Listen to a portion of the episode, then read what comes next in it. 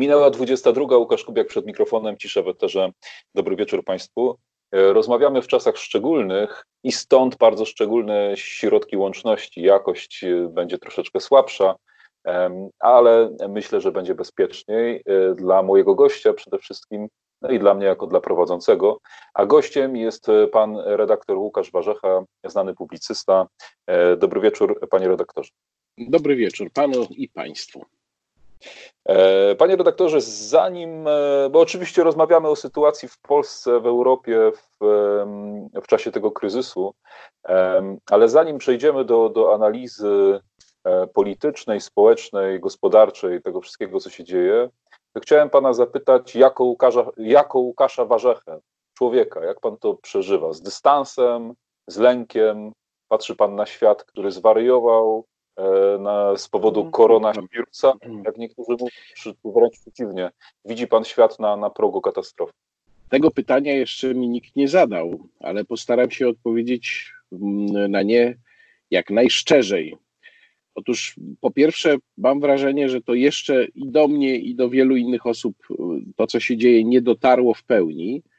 Myślę, że musiałoby minąć więcej czasu, żeby zaczęło docierać. Jeżeli w tym czasie sytuacja zacznie się normować, to być może w ogóle nie będziemy mieli pełnej świadomości, przez co przeszliśmy, ale na pewno odczujemy tego konsekwencje, przede wszystkim ekonomiczne.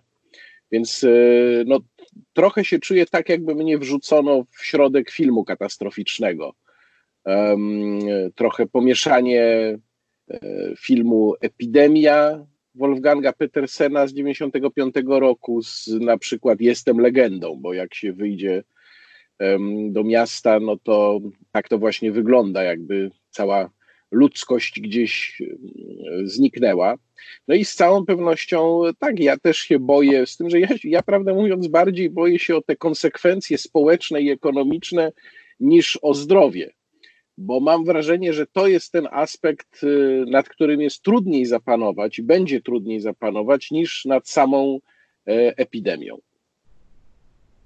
Rzeczywiście ten kryzys pokazuje w takim filozoficznym wymiarze no, przygodność ludzkiego życia, że, że, że to, e, to, w czym żyjemy, to jak żyjemy, to może się rozsypać jak domek z kart, za sprawą w gruncie rzeczy nie bardzo, bardzo y, groźnego, czy bardzo, bardzo zjadliwego wirusa, no bo to nie jest dżuma, czy, e, czarna ospa.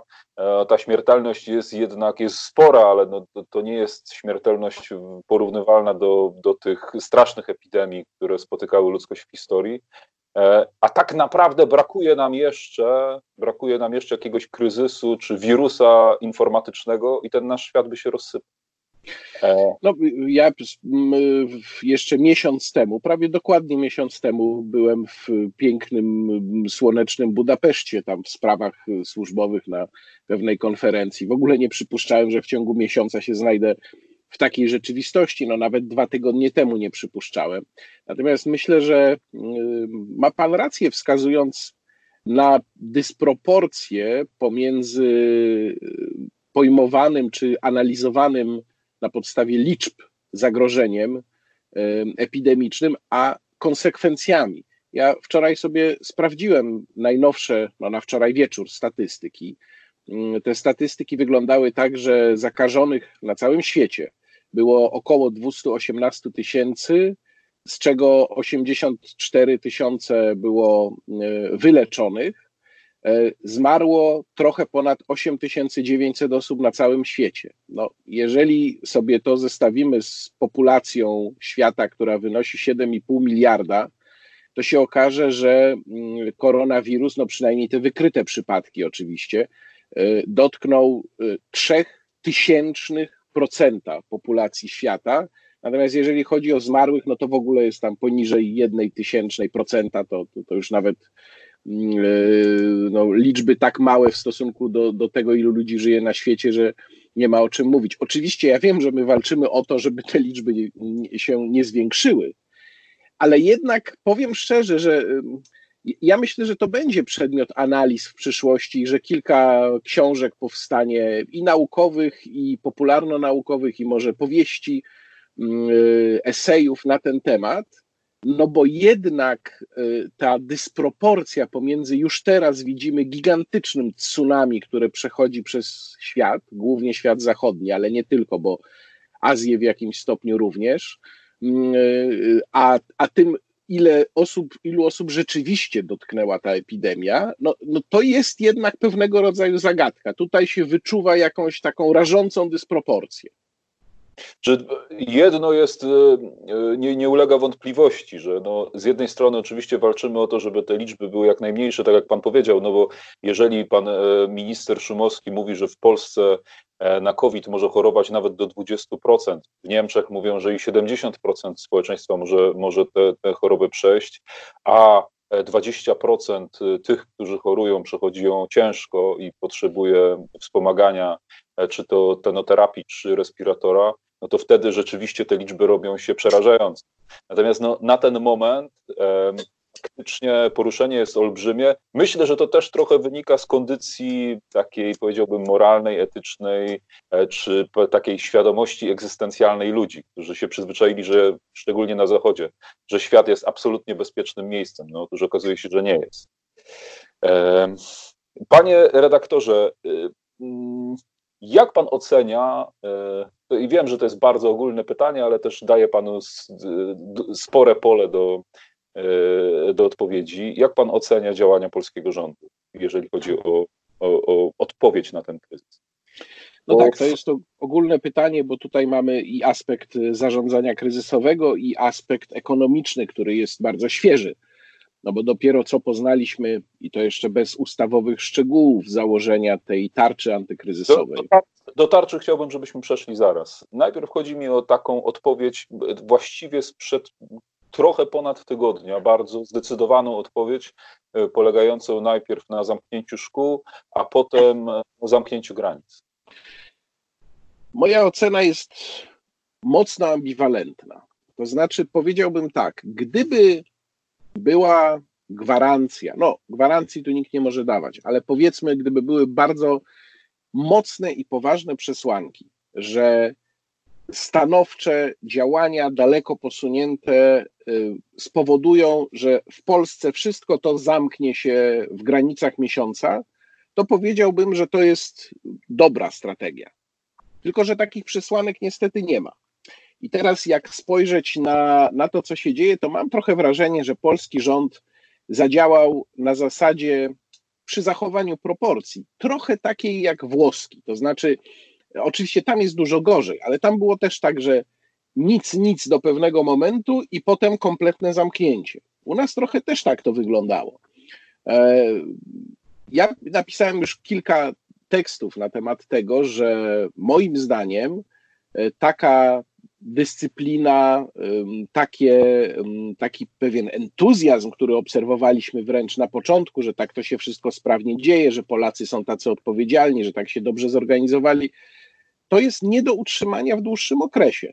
To jest nastrój, który może potrwa tydzień, właściwie moim zdaniem to już się będzie kończyć w ciągu najbliższych dni i ustąpi miejsca strachowi, frustracji, niepewności, z czasem złości, no, dyscyplina się w oczywisty sposób rozluźni, bo ludzie zaczną wychodzić z domu, dlatego że pogoda będzie coraz ładniejsza.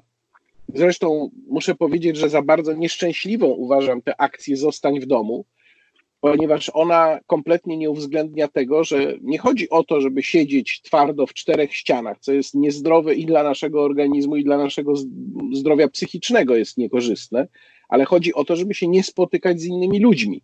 To jest podstawowy warunek. Natomiast znaczy, jeżeli mogę wejść w słowo, mam wrażenie, że zostały takie e, przyjęte rozwiązania e, bardzo proste e, i przez to no, ci, którzy je wdrożyli, mają nadzieję, że będą one skuteczne.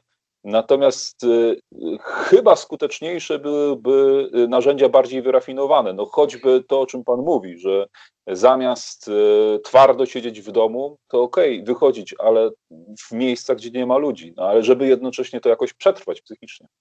No więc właśnie dokładnie tutaj wyjmuje mi Pan słowa z ust, ponieważ ja zresztą napisałem jeden z moich tekstów, których, na, na portalu onet.pl, w którym postawiłem tezę, że rząd trochę działa maczetą, a powinien skalpelem.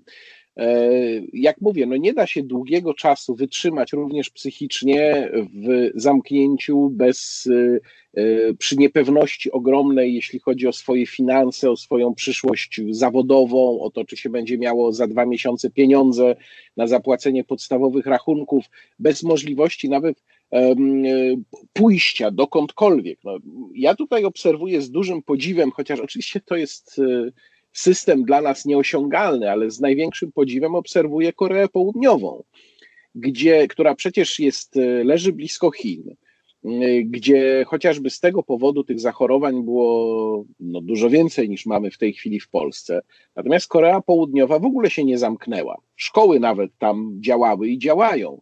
Przyjęto system wyłapywania tych obywateli, którzy Y, mogą mieć koronawirusa i wszystkim tym, bo to jest na podstawie badań mierzenia temperatury, wszystkim tym osobom robi się testy i jeżeli test wypadnie pozytywnie, to taka osoba jest natychmiast izolowana. To jest zupełnie inna strategia niż ta, którą przyjęto u nas. No oczywiście ja rozumiem, że my nie mamy takiej liczby testów. E, no właśnie, Zresztą... właśnie wydaje mi się, że, że te, mm, te strategie, które przyjęły, przyjęły właściwie wszystkie kraje Europy Środkowej, one wynikają tak naprawdę z braku funduszy. No bo pan sięgnął po przykład Korei Południowej. No tutaj przykładem są też Niemcy. Niemcy co prawda teraz wprowadzają obostrzenia, natomiast dotychczas ta strategia wyglądała dokładnie tak, to znaczy e, polegała na masowym testowaniu, E, wyłapywaniu tych, którzy nawet bezobjawowo mogą, mogą zakażać. No tylko, że rzecz rozbija się o to, że trzeba mieć testy i pieniądze na te testy. No i rząd, nie mając ich, no robi to, co może. No ja, ja tak rozumiem przyjęcie tej strategii. To prawda, natomiast no, tu muszę też zwrócić uwagę na dosyć chyba nieszczęśliwą wypowiedź pana premiera Morawieckiego, który stwierdził wczoraj w swoim wystąpieniu, że e, rząd przygotowywał się na to od dawna. No, jeżeli rzeczywiście przygotowywał się od dawna, no to trzeba powiedzieć, że się przygotował raczej słabo.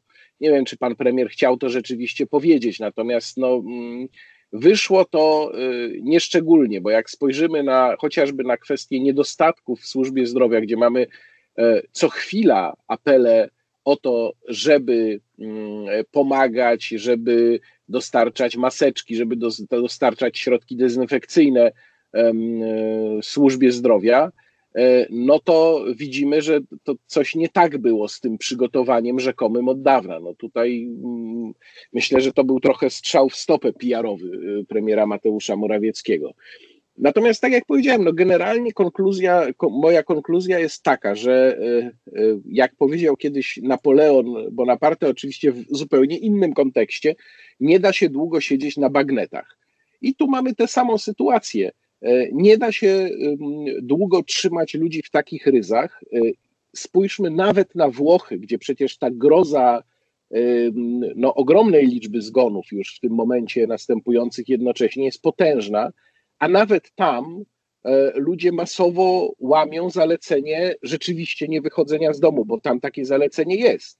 No to pokazuje, że pewnych tendencji, pewnych cech ludzkiej psychiki się nie da zwalczyć. No, człowiek nie jest e, e, przygotowany na to, żeby samemu ograniczyć się do czterech ścian na nie wiadomo jak długo.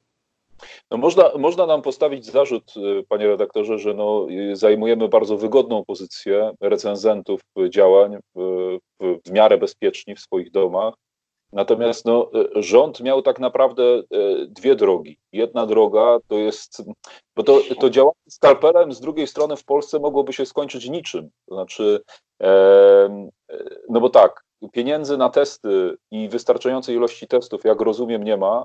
E, więc, więc e, ta możliwość jest raczej wyłączona. Natomiast takie delikatne potraktowanie tematu, czyli sygnały, które byłyby nie tak zdecydowane, jak je rząd e, przekazał, czyli na przykład ograniczenie prac, pracy restauracji do 18.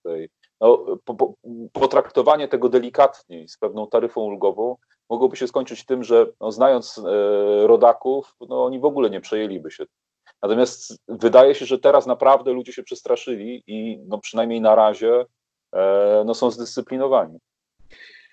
E, być może się przestraszyli, może się przestraszyli też za bardzo. Ja myślę, że jesteśmy w, rzeczywiście w momencie bezprecedensowym, więc tutaj takie pewne sterowanie, mapowanie nastrojów społecznych i psychologii społecznej jest właściwie bez precedensu, no bo do jakiej sytuacji moglibyśmy, tu nikt nie jest mądry do końca, bo do jakiej sytuacji moglibyśmy tę obecną porównać, no to nie jest sytuacja stanu wojennego, niektórzy sięgają po to porównanie, bo tam wróg był wewnętrzny, bardzo wyraźny, fizyczny, e, no zresztą i tak były powszechnie omijane e, ówczesne rozporządzenia e, komunistycznej władzy. To nie jest też sytuacja wojny, bo nie ma tutaj namacalnego, konkretnego wroga, który do nas strzela. Więc w zasadzie trudno naprawdę tutaj znaleźć jakąś analogię. Ja staram się mm, no, opisywać najbardziej prawdopodobny, moim zdaniem, wariant. I oczywiście przyjmuję te argumenty, o których Pan powiedział. To może być prawda, ale z drugiej strony można powiedzieć, że jeżeli się za mocno przyciśnie już na samym początku, nie wykaże się tej elastyczności, o której ja mówię, to w momencie, kiedy mm, samodyscyplina będzie akurat najbardziej potrzebna, to już zabraknie y, na nią chęci i zabraknie do niej determinacji. Tak również może być. Że, y, ja te działania rządu bardzo ostre widzę w następujący sposób. No, oni mieli perspektywę tego, co dzieje się na północy Włoch, w Lombardii i wiedzieli dokładnie, że lombardzka służba zdrowia stoi jednak wyżej niż służba zdrowia polska, bo Lombardia to jest bardzo bogaty region. To są takie prawie Niemcy. E, jeżeli ten sam scenariusz miałby się rozegrać w Polsce, to doszłoby do absolutnie katastrofy. I mm, no, o tyle rozumiem rząd, że no starał się robić cokolwiek. No pytanie, i teraz przejdę do, do, do, kolejnego zagadnienia, czy niektóre, e, czy niektóre decyzje nie były podjęte zbyt pochopnie. No jest kwestia choćby tych granic i 60-kilometrowych wczoraj korków na granicy niemieckiej. No to jest prawdziwa wylęgarnia dla wirusa w tym momencie, bo tam nie ma żadnych środków e, ochrony osobistej, zwykłej higieny. No, podobnie można zakwestionować e, zakaz lotów do Polski on został podjęty w momencie, kiedy mnóstwo Polaków miało możliwość wrócenia komercyjnymi rejsami do kraju. E, I ci Polacy po pierwsze musieli zapłacić drugi raz, no bo ich bilety często przepadły. E, nie w każdym wypadku refundacja jest możliwa, właściwie w większości nie jest, no a musieli jeszcze zapłacić za lot e, lotem, no bo to jedyne, jedyny sposób, który im pozostawiono powrotu. No co więcej, jak się spojrzy na to, w jakich warunkach ci ludzie wracają, takie zdjęcia krążą z Okęcia, gdzie widać tłum po prostu ściśnięty, czyli nawet jeżeli ktoś leciał wśród zdrowych ludzi albo przetrzymał bez zakażenia lot, no to miał ogromną szansę zarazić się na lotnisku, zakazić się na lotnisku. Więc no tutaj ja bym też miał wielkie wątpliwości, czy to była dobra decyzja. No i trochę niestety ona też wygląda jak podjęta głównie w celu wspomagania naszego narodowego przewoźnika, żeby jakoś wytrzymał ten e, trudny czas. E, no, z kategorii z kolei gospodarczych e, spraw, wiem, że do nich jeszcze przejdziemy, ale to pokazuję jako przykład dotyczący mojej dziedziny, to znaczy mediów drukowanych. Mieliśmy decyzję, moim zdaniem również zbyt daleko idącą, o zamknięciu centrów handlowych, no tylko że ona była tak nieprecyzyjna, że okazało się, że zamknięto również saloniki prasowe, no bo sklepy spożywcze, pralnie mogą w centrach handlowych pozostać otwarte.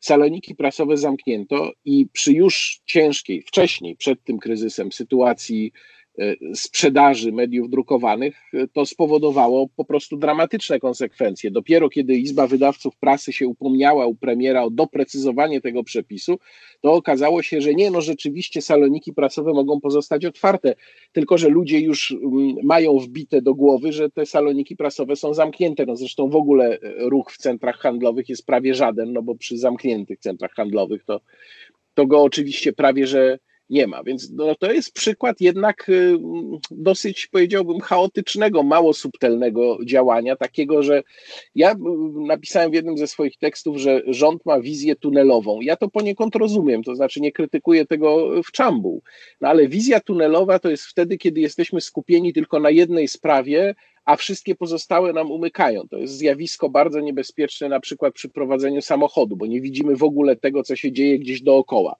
I tutaj też trochę tak jest. To znaczy, centralną postacią w rządzie został pan minister Szumowski. E, on w zasadzie nieformalnie wydaje polecenia wszystkim innym ministrom e, i bardzo takich dużo bolesnych, niepotrzebnych cięć na skrzydłach odbywa się w związku z tym. Ja mam jednak wrażenie, że tam zabrakło jakiejś całościowej koordynacji, która by brała pod uwagę różne e, aspekty, bo nie wymagam tego od ministra Szumowskiego, on jest od zdrowia, on ma się rzeczywiście tym zajmować, natomiast powinien tam być ktoś, kto wskazałby dobrze, ale być może tutaj akurat możemy zadziałać inaczej.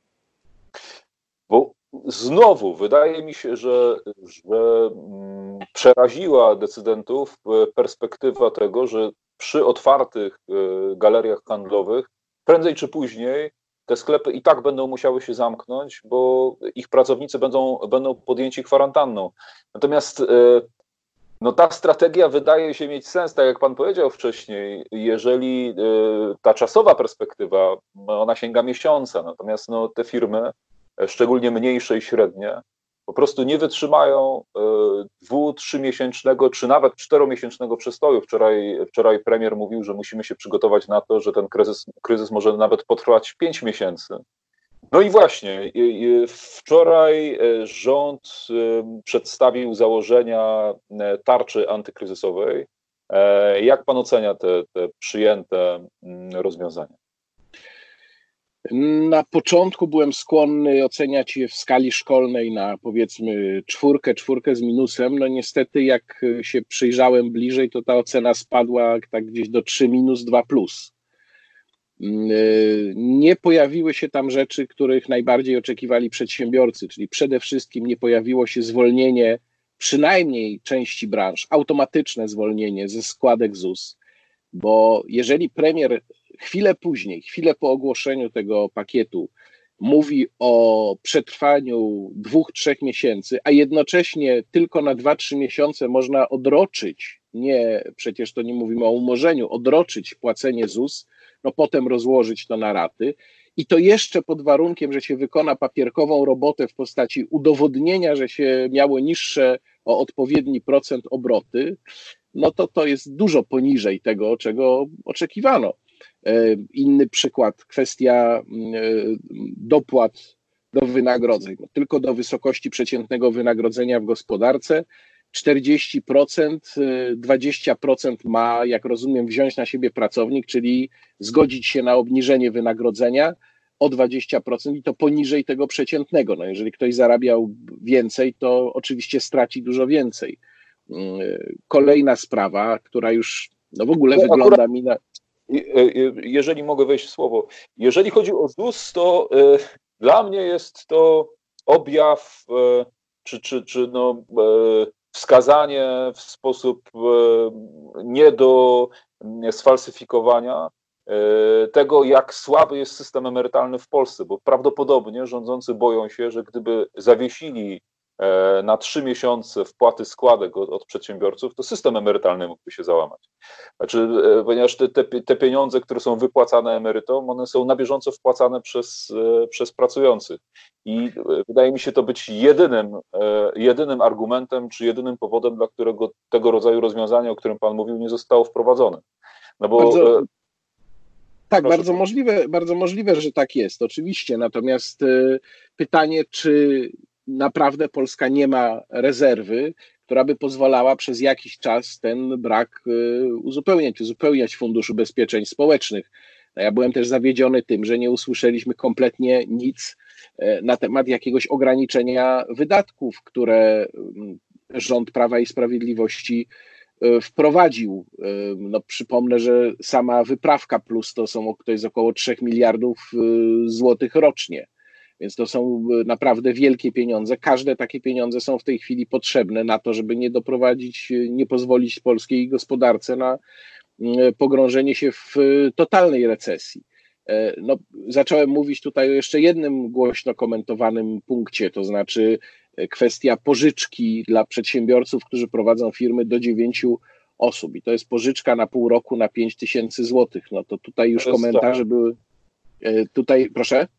To jest żart tak naprawdę, te 5 tysięcy złotych. No, no więc właśnie, no, komentarze tutaj były zjadliwe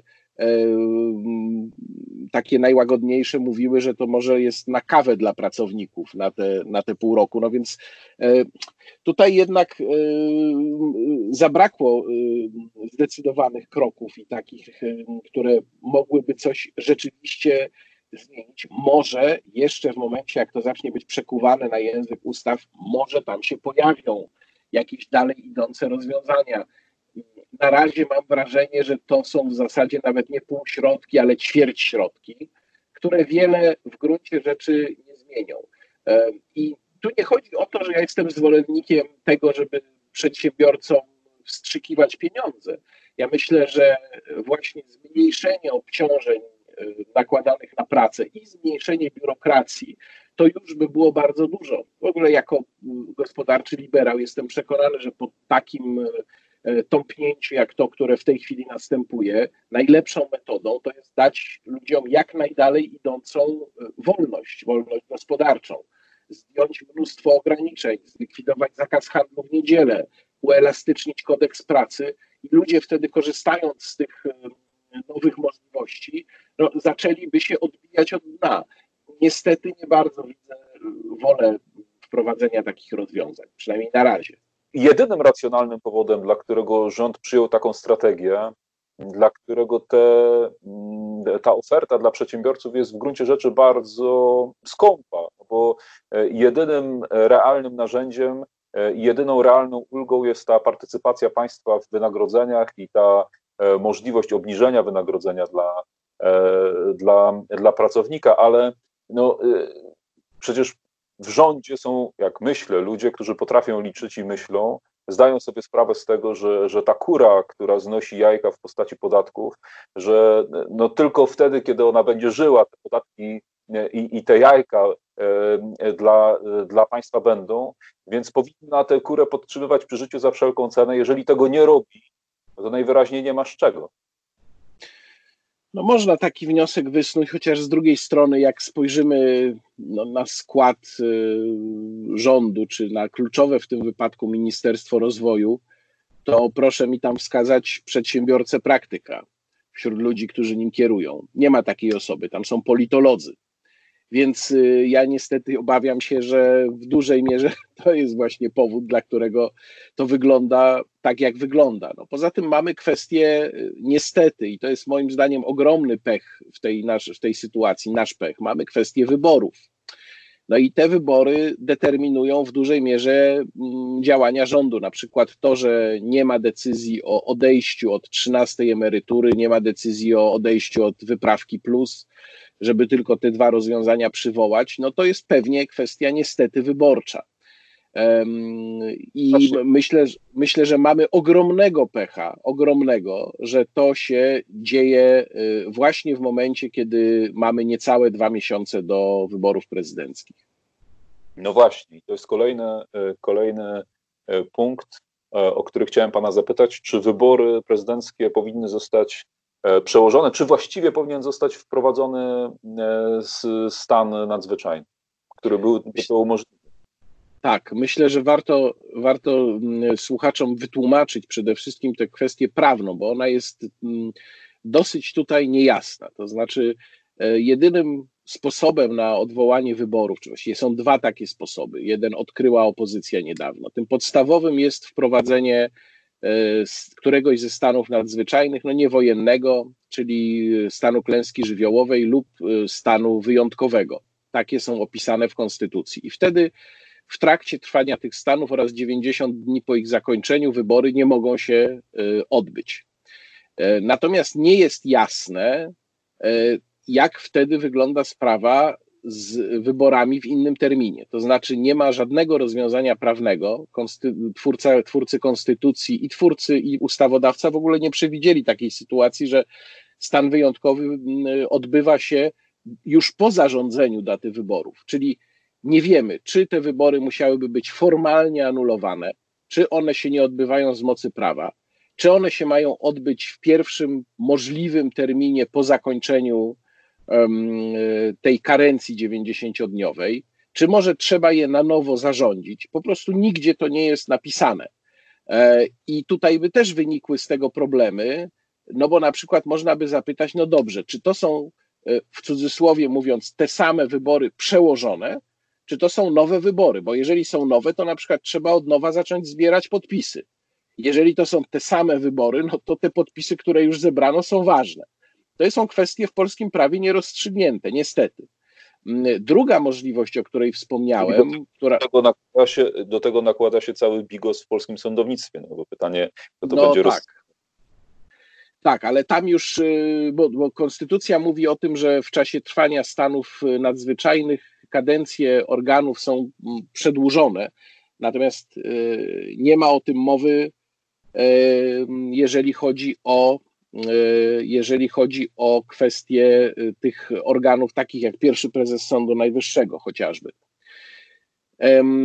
Natomiast druga możliwość, którą odkryła opozycja, no to jest kwestia wycofania wszystkich kandydatów z wyborów. I wtedy rzeczywiście kodeks y, wyborczy, artykuł bodajże 293, jeżeli się nie mylę, e, tak, 293 mówi tak, mam go przed sobą akurat.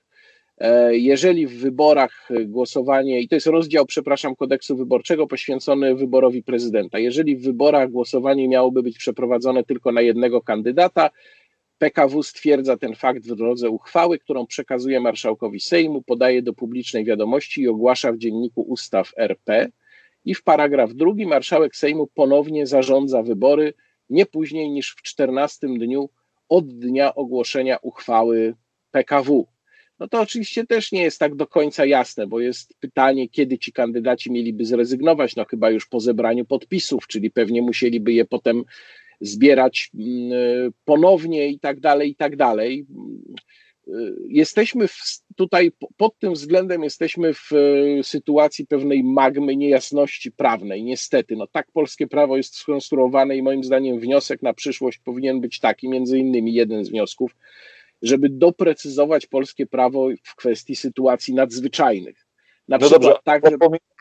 ale pomijając te, te wątpliwości prawne, bo, bo, rozumiem, że, że tutaj jasności nie ma. E, czy przesunąć, jak... czy nie przesunąć? To znaczy, no czy właśnie. powinny się odbyć, czy nie?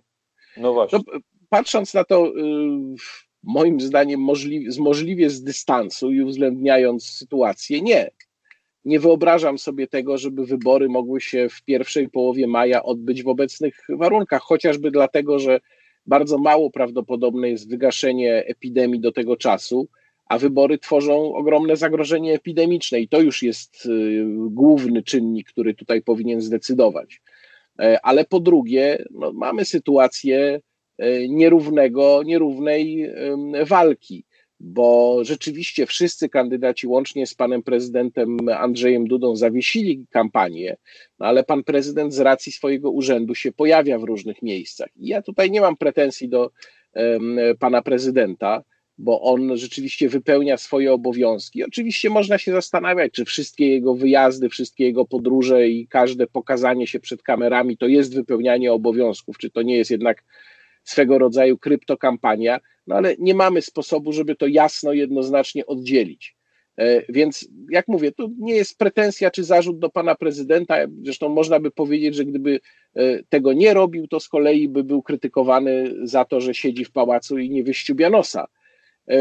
Natomiast faktem jest, że ta sytuacja jest nierówna. I w tak nierównej sytuacji myślę, że należałoby wybory, no mówiąc w cudzysłowie, przełożyć. No na pewno jest to też problem dla, e, szczególnie dla tych kandydatów, którzy mają troszeczkę mniejsze poparcie na to, żeby zebrać podpisy choćby. No jest to problem w kontakcie z wyborcami. Ale czy to w takim razie fakt, że Prawo i Sprawiedliwość nie decyduje się, rząd na razie nie, nie decyduje się na to, żeby wnioskować do prezydenta o wprowadzenie stanu nadzwyczajnego, ergo przełożyć wybory, czy to jednak paradoksalnie nie jest pewnym światełkiem w tunelu? No bo być może wciąż liczą jeszcze na to, że uda się tę kryzysową sytuację przejść przez nią w miarę szybko, a wtedy rzeczywiście scenariusz byłby taki, że gdyby powiedzmy w połowie kwietnia e, ta cała burza była za nami, e, no to Prawo i Sprawiedliwość e, no, wyszłoby z tego starczą jako zwycięzca, no i prezydent miałby murowaną reelekcję. Obawiam się, że to nie jest ta kalkulacja. Obawiam się, że kalkulacja jest inna, to znaczy kalkulacja jest nie tyle na e, zwalczenie tej sytuacji do czasu wyborów, ale to jest kalkulacja raczej na to, żeby zdążyć z wyborami przed pogłębieniem się złych nastrojów. E, co może spowodować oczywiście, że w pewnym momencie to Prawo i Sprawiedliwości zacznie zależeć na przełożeniu wyborów. Ja już E, co najmniej tydzień temu pisałem o możliwym scenariuszu takiego, takiej zamiany ról, że opozycja będzie, widząc to pogarszanie się nastrojów, zacznie mówić o tym, żeby jednak wybory przeprowadzić, a rządzący będą wtedy chcieli ich e, przesunięcia czy anulowania tej daty wyborów obecnej, co zresztą mogą łatwo zrobić w razie potrzeby, ponieważ akurat stan klęski żywiołowej nie wymaga zgody Sejmu, jego wprowadza po prostu Rada Ministrów, więc to jest jedna decyzja Mm, rozporządzenie Rady Ministrów i koniec, i nie mamy wyborów e, w wcześniej zarządzonym terminie. Także myślę, że to jest raczej to, bo gdyby mm, Prawo i Sprawiedliwość było tak pewne tego w miarę szybkiego wygaszenia epidemii, opanowania sytuacji, e, no to w zasadzie można by zapytać, to jaka dla nich różnica, kiedy te wybory się odbędą, bo przecież to byłby taki sukces, że e, czy one by się odbyły w maju, czy one by się odbyły we wrześniu, to i tak ten sukces spokojnie PiS by dowiozło do tego czasu. Zresztą reperkusje by jeszcze trwały, więc ja raczej sądzę, że to jest obawa przed pogorszeniem się nastrojów, a nie, a nie nadzieja na szybki sukces. Czy jesteśmy świadkami rozpadu Unii Europejskiej? Czy koronawirus y, jest y, tym e, ciosem ostatecznym dla, dla wspólnoty? Myślę, że nie będzie jakiegoś y, jednego momentu, kiedy Unia Europejska się mm, rozpadnie. Natomiast oczywiście pojawią się pytania i to zasadne o jej efektywność w takich kluczowych, kryzysowych momentach. Dla mnie y, y, nawet ciekawsze jest to, jak po zakończeniu tego kryzysu Unia się zachowa w kwestii, która jest najbardziej doktrynersko traktowana w tej chwili w, przez Brukselę, to znaczy w kwestii Europejskiego Zielonego Ładu. No to jest y, to jest strategia, czy to jest projekt, który stawia gigantyczne wymagania finansowe wszystkim krajom Unii Europejskiej, jednocześnie stawia cele wzięte z sufitu, moim zdaniem kompletnie nierealne do zrealizowania. I w sytuacji gigantycznego kryzysu gospodarczego, którego nie unikniemy, oczywiście powinny się pojawić pytania, czy jest sens upierać się przy Europejskim Zielonym Ładzie. E, jeżeli Unia Europejska się będzie przy nim upierać, to moim zdaniem to może być w następstwie mm, epidemii, to może być czynnik, który będzie sprzyjał rozpadowi Unii, włącznie z coraz głośniejszymi nawoływaniami, żeby niektóre państwa z niej po prostu wystąpiły. Takie nawoływania się mogą również pojawić e, w Polsce, no bo oczywiście Polska już przed epidemią było wiadomo, że my oberwiemy w związku z Europejskim Zielonym Ładem najbardziej, a po epidemii, no to w ogóle sytuacja będzie dramatyczna pod tym względem, bo to jest między innymi Europejski Zielony Ład, no to jest gigantyczny wzrost cen e, E, energii elektrycznej, czyli coś, co e, ten i tak już dobitą polską gospodarkę dobijałoby jeszcze bardziej. No ale y, autorytet Unii Europejskiej w czasie tych dwóch tygodni właściwie jak w gruzach. To znaczy, e, e, Włosi mogą liczyć tylko na siebie. E, właściwie wszystkie państwa mogą liczyć tylko na siebie i ich obywatele widzą, że e, Unia, która dotychczas pretendowała do E, do arbitra, do, do, do roli arbitra, do tego, który e, porządkuje życie społeczne w państwach, zupełnie się wycofała. Tak naprawdę to, to państwa, to rządy są tymi, którzy, którzy rozgrywają tę sytuację i oni decydują. Tak, to jest na pewno takie odczucie. No ja tutaj na nie, obronę Unii Europejskiej mógłbym wskazać, że Unia Europejska nie ma kompetencji w dziedzinie ochrony zdrowia, więc to można sobie zadać pytanie, no, co właściwie miałaby robić. Natomiast z całą pewnością to, że mm, wiele y, europejskich instytucji rościło sobie pretensje do częstej obecności w naszym życiu poprzez różne swoje mm, y, zakazy, nakazy, mm, rozwiązania przyjmowane na poziomie unijnym. No a teraz rzeczywiście y, nagle tych instytucji w zasadzie nie ma no to, to, to oczywiście będzie problem, który prawdopodobnie odbije się w sondażach, jeżeli będą obywatele Unii pytani, jak już to wszystko e, przeminie, znaczy pandemia przeminie, będą pytani, jak oceniają Unię Europejską i czy ona jest potrzebna, bo to jest jedno z podstawowych pytań, które się zadaje w tych e, sondażach zawsze. No to pewnie tutaj będziemy widzieć e, ogromne tąpnięcie. I prawdę mówiąc. Panie redaktorze, bo Włosi pytają, Włosi pytają w bardzo prosty sposób, no, gdzie jest bardzo konkretna pomoc, nie na papierze finansowa, tylko pomoc materia e, materiałowa, e, gdzie jest pomoc e, w postaci lekarzy z innych krajów, którzy by przyjeżdżali do, do, do, do tych regionów, które są najbardziej dotknięte epidemią, gdzie sytuacja jest naprawdę jak z, z, z filmów wojennych. E, oczywiście odpowiedź jest prosta. No, oni są w swoich krajach, bo zabezpieczają swoje kraje, tylko że to podważa e, całą tę narrację o, o wspólnym organizmie, jak, jakim jest Unia. Abstrahując już od tego, czy Unia może w ogóle coś takiego zorganizować, no moim zdaniem w, w ramach swoich kompetencji i traktatów nie, tylko na zasadzie pewnego porozumienia pomiędzy krajami członkowskimi. Natomiast abstrahując od tego, no to ja bym powiedział, że jest, jest pytanie, czy może tak, jest przede wszystkim kwestia tego, czy ludzie zarządzający Unią Europejską dostrzegą w ogóle ten problem legitymizacji, bo oni go nie dostrzegali przez wiele, wiele lat, to znaczy mówili o nim oczywiście, o kryzys y, legitymizacji, takie modne pojęcie w Unii Europejskiej, nigdy nic z tym nie zrobiono. Teraz ten kryzys prawdopodobnie się zamieni w megakryzys. To już będzie gigantyczne tąpnięcie. No i teraz pytanie, jak oni się, zachowa, jak oni się zachowają? Czy to będzie um, udawanie, że się tego nie widzi, czy to będzie jakaś chociażby no nieudolna, ale próba znalezienia odpowiedzi. Jakbym miał, prawdę mówiąc, teraz um, się zastanawiać, to bym powiedział, że będą udawać, że, że tego nie widzą. A to oczywiście jest droga donikąd. E, i, i prawdopodobnie droga do tego, że Unia Europejska w którymś momencie przestanie istnieć, ale oczywiście nie na tej zasadzie, że ktoś wsiądzie przy stole i podpisze traktat o zlikwidacji Unii Europejskiej, tylko no, będzie po prostu coraz mniej znacząca. Takie organizacje mogą trwać i trwać i trwać bardzo długo i w pewnym momencie tracą kompletnie znaczenie i tak umierają, powiedziałbym, po cichu. No to jest oczywiście kwestia pewnie nie kilku, tylko kilkunastu, może kilkudziesięciu lat. No ale jeżeli takiej odpowiedzi nie będzie, to, to pewnie tak to się skończy. Dwie ostatnie kwestie. Jedna e, jeszcze z, e, tego, z tej przestrzeni polityki międzynarodowej. Niezwykła jest aktywność Chin obecnie. E, one zdają się w ogóle rozgrywać tę sytuację. E, wysyłają pomoc e, tam, gdzie ewidentnie mają interes w tym, żeby e, no, mieć wpływ na rzeczywistość. To jest przykład Serbii, która jest takim pomostem do, do, do budowania jedwabnego szlaku, do tego, żeby, żeby mieć pomost do, do, do serca Europy. Prezydent Serbii nazwał prezydenta Chin wczoraj już nawet nie przyjacielem, tylko bratem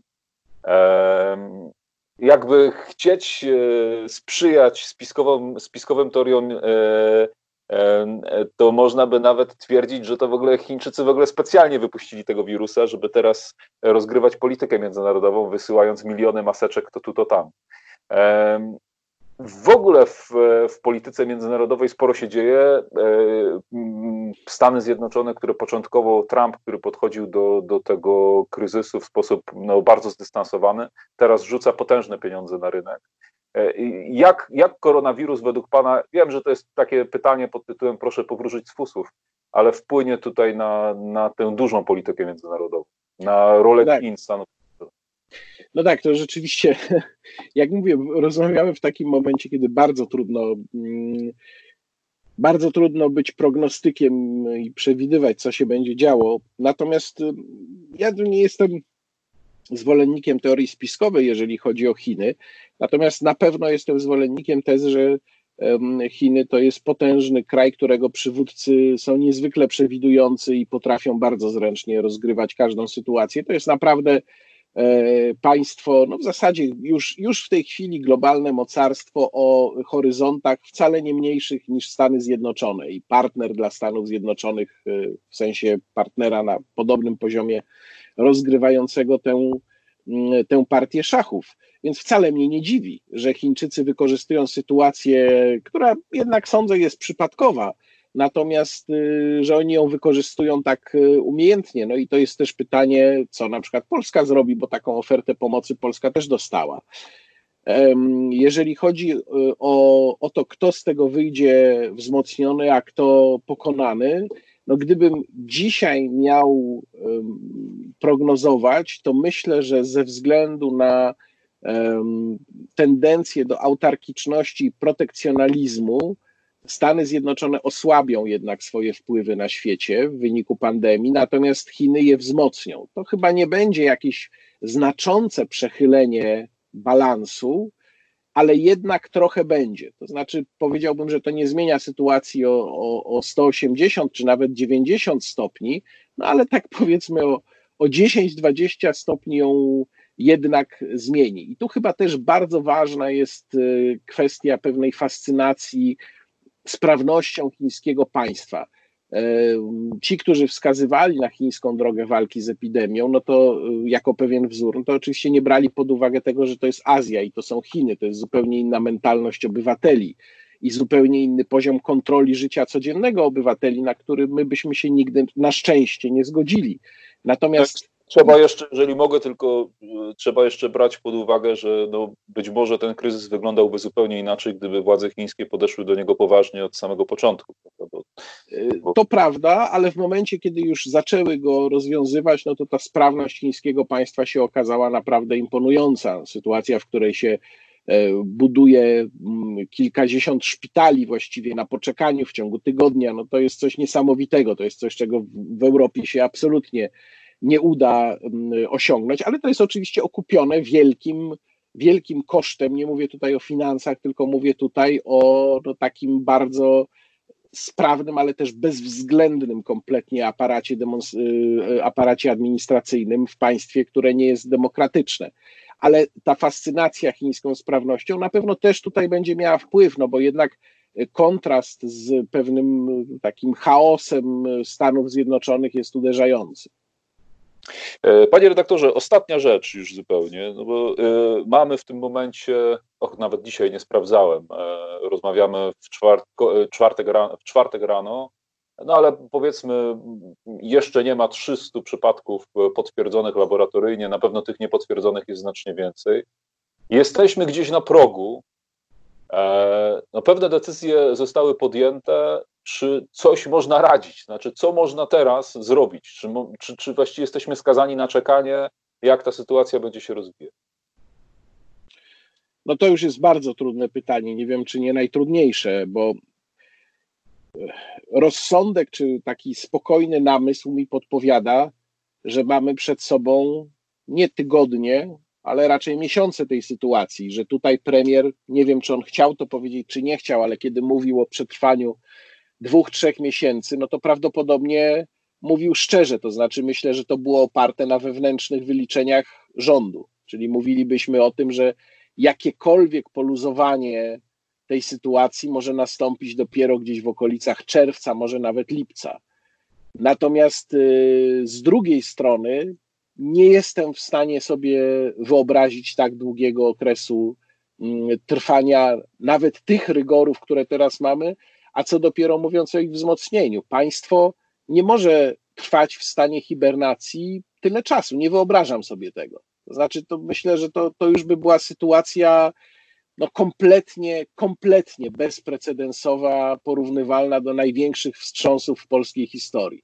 Więc, więc właściwie nie wiem. No, mm, myślę, że co w tej chwili jest ważne dla nas wszystkich, to mm, żeby jak najwięcej rzeczy robić normalnie, jak najwięcej rzeczy robić tak, jak je robiliśmy wcześniej, to co oczywiście jest możliwe. I tyle. No to jest taka bardzo prosta rada, ale ją stosowali ludzie zawsze w czasach y, nienormalnych, ci, którzy chcieli tę normalność zachować. Ja miałem takie skojarzenie z sytuacjami, e, kiedy podczas II wojny światowej między innymi polscy, a nie tylko polscy oficerowie siedzieli w oflagach, niemieckich obozach dla oficerów. Czasem siedzieli tam przez pięć lat, od 1939 roku do 1945 E, I mm, no to była sytuacja psychicznie niezmiernie wyczerpująca, ale oni tam prowadzili dla siebie nawzajem lekcje, samokształcili się, uczyli się języków, opowiadali sobie lektury, które przeczytali. I w ten sposób te lata jakoś udawało im się przetrwać. No chyba to jest jedyna rada na teraz. No myślę, że, że właśnie musimy zdać sobie sprawę z tego, że rzeczywiście ten film katastroficzny, który się dzieje na naszych oczach, to jest część naszego życia i musimy do tej sytuacji podejść jako do sytuacji absolutnie nadzwyczajnej i zachować solidarność. To wszystko, co dzisiaj mówiliśmy, krytyka rządu, pewne jego recenzje, to należy do pracy publicystów i dziennikarzy. Natomiast z drugiej strony, wydaje mi się, że trzeba podkreślić, nie wiem, czy pan się z tym zgodzi, że nawet jeżeli z jakąś decyzją tutaj e, dotyczącą bezpieczeństwa się nie zgadzamy, czy nie do końca jej rozumiemy, to trzeba się trzymać tego, e, ty, tych nakazów. Ja w, e, właśnie ze względu na Solidarność, ja teraz w niedzielę byłem z rodziną w Polskim Parku Narodowym, było zupełnie pusto, więc po prostu wybraliśmy się na spacer. I tam jest taka ścieżka edukacyjna E, związana z bitwą pod Urszulinem. To była bitwa w czasie powstania styczniowego, która została przegrana przez Polaków przez to, że tak trochę typowo po polsku tam zamiast jednego dowódcy było ich czterech. E, więc e, to jest taka historia i taka nauka z historii, że no, lepiej trzymać się jednego dowódcy, nawet jeżeli czasem mamy wątpliwości, że, że, to, że, że wszystkie, jego, wszystkie jego decyzje są absolutnie racjonalne, czy, czy są absolutnie bezbłędne, może tak. Tutaj nie ma bezbłędnych decyzji w takiej sytuacji. Na pewno mogę powiedzieć jedno, no, nie tylko nie namawiałbym nikogo, ale wręcz potępiałbym łamanie e, wprowadzonych e, przepisów. One można je krytykować w wielu sytuacjach i, i należy i być może walczyć o ich zmianę. Natomiast no przede wszystkim tutaj myślę rzecz jasna o kwarantannie. Jeżeli komuś zalecono tę kwarantannę, to powinien się tego rzeczywiście trzymać. Natomiast jeżeli komuś nie zalecono kwarantanny, to bym namawiał do tego, żeby w sposób rozsądny korzystać z polepszającej się y, pogody, unikając oczywiście dużych, a nawet małych skupisk ludzkich. Natomiast spróbujmy czasem wyjść na powietrze, dotlenić się, spojrzeć w słońce, no i zobaczyć, jaki świat jest piękny. No i nie możemy się na pewno rzucać w bezczynność, to znaczy na, na ile możemy, musimy pracować. Yy, yy, oczywiście zachowując wszelką, wszelkie bez, zasady bezpieczeństwa, no ale no, życie toczy się dalej, a, a to, co się znajduje w garnku, nie bierze się z nieba. Więc yy, no, inteligencją tego wirusa chyba trzeba pokonać. Bardzo panu dziękuję. Gościem Radia Lublin był Łukasz Warzecha, E, publicysta. Wielkie dzięki za, ten, za tę specjalną formę i, i ten czas, który Pan poświęcił e, nam w tej rozmowie. Bardzo dziękuję i wszystkim słuchaczom oraz Panu życzę zdrowia. Zdrowia również. Pozdrawiam serdecznie.